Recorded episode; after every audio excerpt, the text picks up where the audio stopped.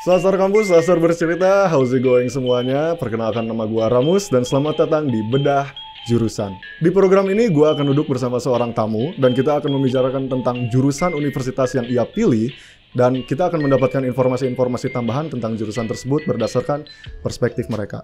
Nah, di episode kali ini gue sudah duduk bersama tamu gue. Gue sudah berduduk bersama Bang Oi. Halo, halo. Dan Bang Oi ini berasal dari Sastra Rusia Universitas Indonesia ya, Bang? Iya, betul. Oke.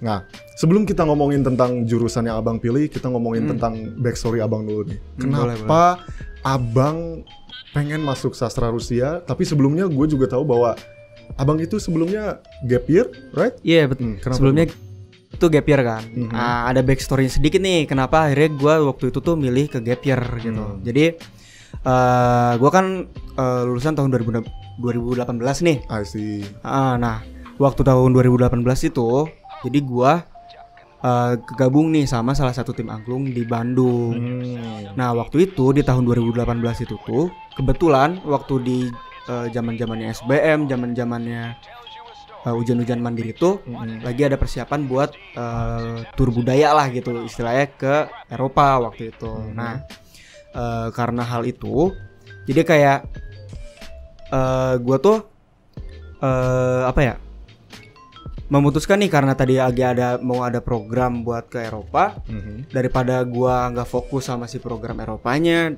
sama si ujiannya juga dan emang salah sedikit ada eh gua ngerasa belum siap lah gitu kalau buat langsung ke kuliah I gitu. see, I see. Nah, nah, waktu itu juga emang lagi fokus ke angklung.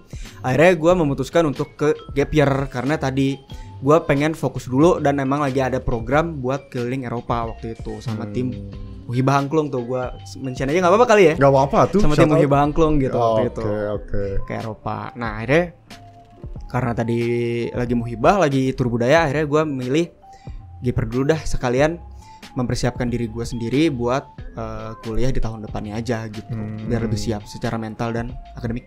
Ah, oke. So, jadi jadi selama gap year itu abang itu bisa tampil gitu ya. Iya betul betul. Waktu Keliling itu ikut dunia.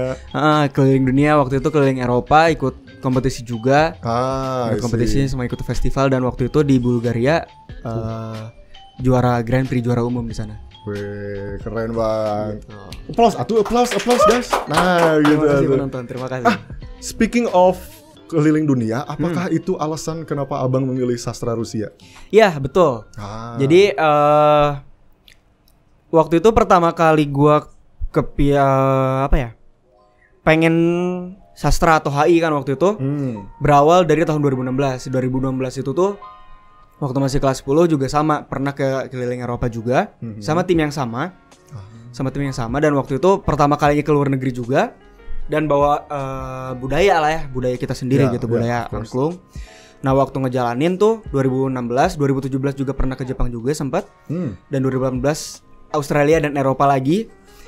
Nah, karena hal itu kayak gua dari dalam diri gua kayaknya gua pengen jadi diplomat deh. Gitu. Wih, pengen jadi keren. diplomat, pengen kerjanya di luar negeri gitu karena menurut gua keren aja kan di luar negeri Iya, dan memang iya, iya. dan Jelas. menjanjikan gitu kayaknya. Iya, emang itu memang Gitu ya. menjanjikan banget makanya itu. Ah, ah, akhirnya karena eh, gua pernah keliling dunia, pernah keliling Eropa gitu, eh, yang bikin gua akhirnya yakin kenapa gua pengen masuk sastra Rusia atau ya sastra-sastra lain juga nggak masalah sih. Ah, I see. Hmm. But specifically, oh berarti abang itu lebih memilih kayak interested sama si sastranya ya?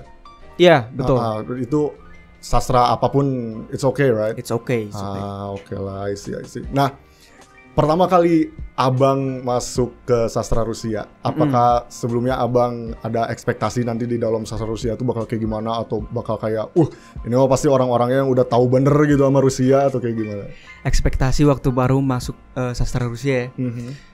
Ekspektasinya pertama kan sebenarnya kalau di sastra Rusia sendiri belum ada basic kan sebenarnya. Ah, iya, iya sih. Jadi emang mulai dari nol banget. Jadi ekspektasi orang-orang nih pasti wah pasti ini orang-orang yang masuk ke sastra Rusia kebanyakan eh yang udah ngerti-ngerti lah bahasanya atau tentang Hmm. sejarah atau tentang si sastra-sastranya gitu.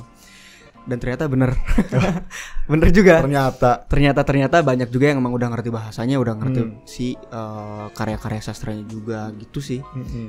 Jadi eh, apa yang gue ekspektasiin waktu masuk sastra Rusia sama kenyataannya tuh nggak beda jauh lah gitu. Ah, tapi Hmm. pertama kali abang masuk, abang udah kayak tahu culture tentang Rusia yang kayak gitu gak sama kayak mereka? Nggak nggak? sih. Nggak, Nggak sama, sekali nggak. sih. Nggak Jadi sama sekali sih. ada ada kayak sense of oh kalau gitu aku harus lebih kayak memperdalam lagi tentang Rusia culture-nya kayak gitu. Iya betul. Jadi ada effort lebih lah kayaknya dari Hmm. teman-teman lain kan karena harus belajar tentang si politiknya atau mungkin si Politiknya juga. politiknya ya karena ya kita belajar tentang Rusianya juga kan Hmm. sebenarnya politiknya tentang kebudayaannya juga tentang karya sastranya juga tentang bahasanya juga Ya, gitu kan karena jelas sih. belajar kita kayak kelas bahasa juga kan sastra belajar bahasanya juga jadi Hmm. emang semuanya mulai dari nol effortnya juga pasti lebih sih Hmm, I see, I see. Hmm, dari teman-teman yang lain Sastra itu masuk ke fakultas ilmu pengetahuan budaya ilmu pengetahuan budaya UI. Ya, UI Along bersama dengan sastra sastra apa aja sih yang ada di banyak jadi di FIB kan Mhm. disingkatnya tuh FIB itu tuh ada sekitar 15 jurusan 15 jurusan kalau nggak Hmm. salah seingat gua ada tiga yang non sastra yang non sastranya itu ada ilmu perpustakaan tuh Mhm, mhm. sejarah sama arkeologi Hmm. nah sastranya tuh ada berarti sekitar 12 tadi ada sastra Rusia Inggris Prancis terus ada Belanda juga ada Jerman Jepang bahasa dan kebudayaan Korea Hmm. terus bahasa apalagi sastra banyak kok ada ada banyak kok ada banyak ada lima lagi gue lupa Ah, Oke oke. Nah, speaking of kuliah itu kan most people itu beranggapan bahwa kuliah itu adalah salah satu institusi pendidikan atau media terakhir sebelum kita bisa mencari pekerjaan kan salah Mm, satunya. betul. Nah, untuk sastra Rusia atau dan mungkin secara umum jurusan sastra itu nanti prospek pekerjaannya apa aja ya bang? Kalau misalnya Banyak sih. Ah. prospek pekerjaannya karena kita kan belajar bahasanya. Kita Hmm. belajar bahasanya, kita belajar kebahasaannya juga, Hmm. kita belajar juga tentang kulturnya segala macem. Nah, itu tuh ngebuka banyak banget peluang sebenarnya dari uh, jurusan sastra mau gimana gimana gimana aja. Kita bisa jadi diplomat bisa, Ah, kita mau kerja di Kemenlu segala macam juga bisa, kedubes-kedubes, kedutaan-kedutaan I see, I juga kita bisa. Terus jadi announcer juga karena kita belajar kebahasaan juga kan. Ah. bisa juga gitu. Kita mau jadi penerjemah karena kita Hmm. belajar bahasanya bisa dibilang lebih mendalam gitu ya daripada les-les. Mhm. Jadi kita bisa jadi penerjemah tersumpah juga gitu. Penerjemah tersumpah. Hmm. see, I see. Keren sih bang itu. Iya, mantap ya.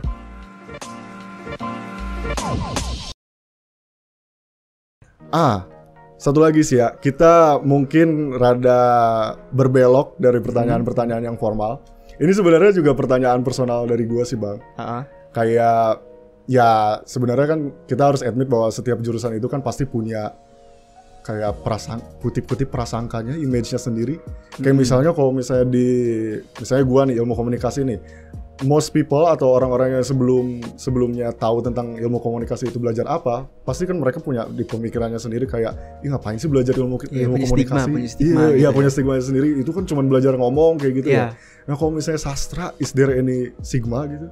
Banyak sih. Ah, Pertama waktu keterima sastra Rusia tuh eh, stigma-stigma orang waktu gua ya biasa lah ya kayak eh, Hmm. apa sih namanya? Publikasi kali ya apa sih? Publication, publikasi. eh nge-share gitu nge-share kayak gua keterima di sini gitu sastra Rusia. Hmm, hmm, hmm, hmm. orang-orang kayak kaget sih kayak sastra Rusia gitu. Ah. kenapa di situ gitu?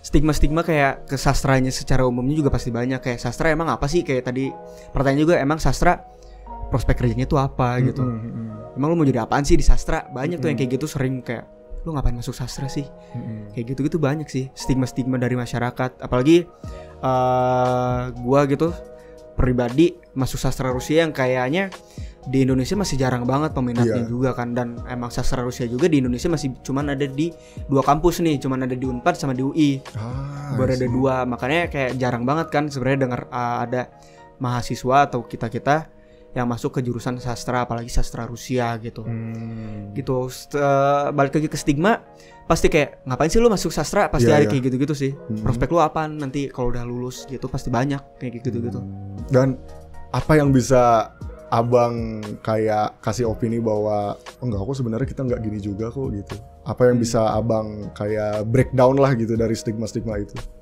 oke eh, s- di kalau di breakdown nih sebenarnya sastra tuh nggak bisa dianggap sebelah mata banget sih sebenarnya. Karena banyak juga kayaknya stigma-stigma orang kayaknya ya lah sastra belajar sastra doang gampang lah gitu santai-santai. Wah ternyata enggak bro. Hmm. pusing-pusing juga sama-sama aja Pusing gitu kayak jurusan-jurusan lain. eh apa ya? kalau misalnya nge-breakdown kayak gitu sebenarnya kita nggak bisa dipandang sebelah, mata sih. Nggak bisa kayak ngapain lu masuk sastra? Karena ya tadi kita juga peluang kerjanya masih banyak banget gitu. Mhm. mau di mana pun masih banyak kebuka Eh, belajar sastranya juga di sastranya itu juga pusing gitu sebenarnya nggak segampang kayak stigma stigma orang gitu Hmm. jadi kayak ya sastra harus diperhitungkan sih Harus bisa dipandang sebelah mata sih Oke, oke. Well, masuk lagi ke pertanyaan formal. Sebenarnya yang pengen ditanyain itu commonly adalah berapa lama bisa lulus, gak sih di sana? hmm ya Heeh. So, ke- pada dasarnya se apa ya paling lama itu di sastra Rusia itu orang itu harus lulus selama berapa tahun gitu? berapa ya kayaknya seingat gue ya Hmm. antara range 6 apa 8 sampai 8 tahun lah Ah, itu I see. terakhir sih paling lama tuh segitu Paling lama tuh Paling segitu. lama. dan paling bentarnya kalau di sastra Rusia 4 tahun kalau di sastra Rusia UI itu kita nggak bisa tiga setengah tahun kan banyak tuh jurusan-jurusan yang kayak bisa cum laude terus cuman lulusnya tiga setengah tahun gitu-gitu nah kalau di Hmm. sastra Rusia UI itu nggak bisa Hmm. kita minimal banget paling cepat 4 tahun paling lama ya tadi sekitar eh, ya 6 sampai 8 tahun kayaknya Ah, oke oke. 6 sampai 8 tahun. Noted banget itu. Iya Duly noted banget. Um, sebelum-sebelumnya pas Abang mempersiapkan diri buat masuk sastra Rusia, pilihan Hmm. keduanya waktu UTBK atau masuknya lewat apa sih, Bang? Eh, sastra Rusia itu masuknya kan SIMAK UI kan oh, masuk Simak UI. Wih, Nah, gila. sastra Rusia itu pilihan ketiga sebenarnya Hmm. Pilihan pertamanya itu HI, HIUI, Hmm. ya, karena simak ya. Iya, iya. HI, oke. terus keduanya sastra Jerman, ketiganya sastra Rusia. Hmm, gimana tuh kayak preparationnya gitu waktu menempuh Simpak UI? Preparationnya sih belajar kayak biasa aja sih Belajar sebenarnya. kayak biasa aja. Cuman waktu itu emang eh, nggak begitu mendalami kan, Hmm. selama belajar. Cuman ya preparation aja kayak selayaknya orang mau ujian gimana sih gitu. Ah iya, Kayak harus gitu sih. payung sebelum ujian. Iya betul betul. Oke, balik lagi ke sisi akademis dari sastra Rusia. Mm-mm. Matkulnya, Bang. Hmm, itu matkulnya. ada apa aja tuh? Nah oke, kayaknya emang sih eh, orang-orang masih belum tahu kan kebanyakan kayak sastra tuh apa aja sih belajarnya. Nah, yap. di sastra itu sastra Rusia nih kita tuh belajar satu pasti bahasanya Hmm. bahasanya ya terus yang kedua tuh linguistiknya Mhm, mhm. linguistik itu nanti banyak lagi dibeda-beda lagi kayak ada morfologinya ada fonetik fonologi segala macem lah kayak gitu-gitu Oke, oke. terus yang ketiga kita belajar tentang peradabannya juga nih peradaban. peradabannya karena dari pertama kali Rusia ada terus kalau. Rusia kan pernah jadi Uni Soviet tuh Yap, ya. komunisme Mhm. terus sampai ke sekarang federasi kayak gitu-gitu kita belajar semuanya terus kita belajar tentang keseniannya di Rusianya juga Hmm. kayak di Rusia tuh kan biasanya yang terkenal itu baletnya yes. terus musik klasiknya kayak gitu-gitu kita belajar kayak gitunya juga Ah, kayak gitu terus eh, belajar tentang ter- terjemahannya juga nih Mhm, jadi mhm. kita eh, ada matkul khusus untuk eh menerjemahkan dari Rusia Indonesia atau Indonesia Rusia makanya kayaknya itu salah satu matkul yang bisa bikin jadi penerjemah Iya. tersumpah sih kayaknya ya Ah, I see, I yang see, tadi I udah disebutin juga kan Mhm, benar-benar. gitu. Terus kita belajar juga ada eh, matkul yang namanya kajian drama. Drama. Drama. Wah, Jadi- interesting. Eh, eh, jadi nanti tuh eh, kita eh, ngebedah nih, kita tuh apa aja sih unsur-unsur drama. Terus nanti di akhir kita bikin drama sendiri. Hmm, Dramanya kalau-. Kalau misalnya lagi offline nih, itu tuh si teksnya kebanyakan pakai bahasa Rusia juga, bahasa Rusia dan bahasa Indonesia dicampur. dialognya juga pakai bahasa Rusia. Iya betul. Wah, gitu. Buset, drama bahasa Rusia. Iya. Men, menarik banget, Bang. Ah, gitu. Speaking of kayak drama, Hmm. kalau misalnya di jurusan Abang atau selebihnya di Fakultas Abang FIB itu ada kayak klub-klub atau organisa- organisasi-organisasi gitu nggak sih? Banyak ada ada. Kalau Ah. tentang drama ya, Mhm. Kalau tentang dramanya sih ada tuh kalau di FIB lingkungan FIB tuh ada teater sastra namanya. Hmm, Gitu. menarik, menarik. Nah, terus kayak eh, eh, organisasi-organisasi selain tadi sih yang kesenian banyak juga sih. Kayak ada eh, senar budaya tuh kalau di FIB. Apa tuh? Senar budaya tuh eh, kayak apa ya? Organisasi tentang musik gitu. Ah. Nah, terus ada juga aduh lupa nama organisasinya tapi dia tuh berfokus ke nari gitu nari tradisional dan nari Hmm. modern Nari tradisional sama tadi yang misalnya musik itu maksudnya musik-musik yang sesuai sama jurusannya misalnya kayak musik Rusia gitu atau Enggak, musik enggak oh, sih. Itu lebih kayak siapa pun yang suka musik Ah. gabungnya di senar budaya. Nah kebetulan gue ada di situ juga. Weh, itu jadi salah satu kegiatan gue sih. Ah, oke oke, situ. that's nice. Berarti emang abang emang sukanya geraknya di seni musik nggak sih? Iya seni banget sih sebenarnya iya. lebih ke seni Mantap pak, mantap. Indonesian artist keren sih itu. asli. Terlalu Indonesia pride. lah. Hai Indonesia. Cintai Pride. Nusantara ya Yeah, teman-teman ya. let's go. Iya. Oke lah, oke oke oke. Ke kehidupan kampusnya, Bang, di Hmm. FIB sama di jurusan Abang sendiri, gimana sama orang-orang yang ada friendly atau mungkin Abang ada unek-unek gimana? Pertama kali masuk ke Depok kan? Abang kan orang Bandung Iya, pertama betul. kali di Depok Pertama itu gimana? ngerantau nih. Ah, ah. Eh apa tadi sorry ulangi? Oh, ini kehidupan kampusnya. Oh kehidupan kampusnya ya. Ah, ah, ah. Orang-orangnya. ya? Orang-orangnya ya. Orang-orangnya. Sebenarnya eh, orang-orangnya tuh asik-asik sih di FIB. Hmm. Itu tuh asik-asik karena eh, stigmanya FIB nih. Mhm. orang-orang itu emang santai-santai meskipun santai mereka tetap serius gitu orangnya. Kayak eh, banyak kayak omongan-omongan nih dari ya sekitar anak-anak UI kalau anak FIB tuh lu bisa jadi apa aja di FIB gitu sebenarnya. Ah. lu bisa berekspresi se seenaknya lu mau kayak gimana lah gitu. Tanpa harus mikirin kayak omongan orang gitu sih. Itu stigma-stigma orang-orang FIB jadi mungkin karena eh, stigma itu Hmm. emang orang-orangnya emang sesantai itu sih sebenarnya Oh, that's good lah. ya jadi Bagus kayak ke bawah ke kitanya mindsetnya kayak orang-orang FIB tuh baik-baik kok asik-asik Ah, semua gitu sih. Weh, mantap, mantap. Ah, mantap. terus anak-anak Rusianya juga asik-asik juga sih keren-keren semua sih Hmm, Keren banget. Ada shout out gak buat apa angkatan Siapa? abang gitu? Hai teman-teman gitu. yang solid aja ya teman-teman solid. kayaknya Oke itu lah.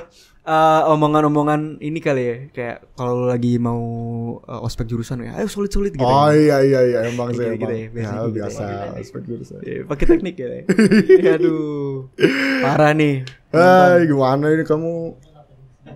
Oke lah. Oke, mungkin emang karena waktunya emang sebentar lagi sih udah mau Hmm. selesai ya kita. Abang punya kayak eh, pesan-pesan gak sih buat orang-orang yang misalnya pengen masuk sastra pada umumnya ter- atau atau terutama sastra Rusia gitu. Eh, pesan-pesannya sih buat buat yang mau pengen masuk sastra nih. Jangan minder sih, jangan minder karena lu yang tahu diri lu sendiri, lo tahu pengen lo apa, keahlian lo di mana. Kalau emang di sastra ya udah jalan aja, sikat aja gitu. Jangan pernah dengerin orang, jangan pernah ikut kata-kata orang lah. Lu harus di mana, lu harus di mana. Lu yang tahu, lu yang jalanin kan sebenarnya. bener. Jalanin aja sesuatu. Berarti bener ya pepatah yang menyebutkan just be yourself and never surrender. asli. Sikat. Oke bang, mungkin itu aja sih ya waktu yang kita Siap, siap. butuhkan di bedah jurusan buset.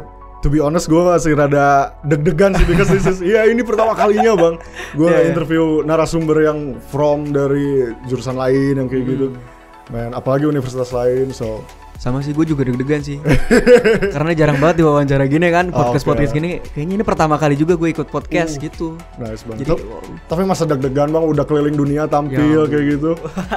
Beda, beda, oh, vibesnya beda. beda ya, vibesnya beda, Beda ya. banget, beda banget sih Oke deh, thank you Bang Oi udah mau Sama-sama, ya sama-sama. udah mau diinterview di Sasar Kampus juga. For viewers, makasih juga udah stay tune terus dan terima kasih Sasar Kampus, Sasar bercerita. Thank you, dadah.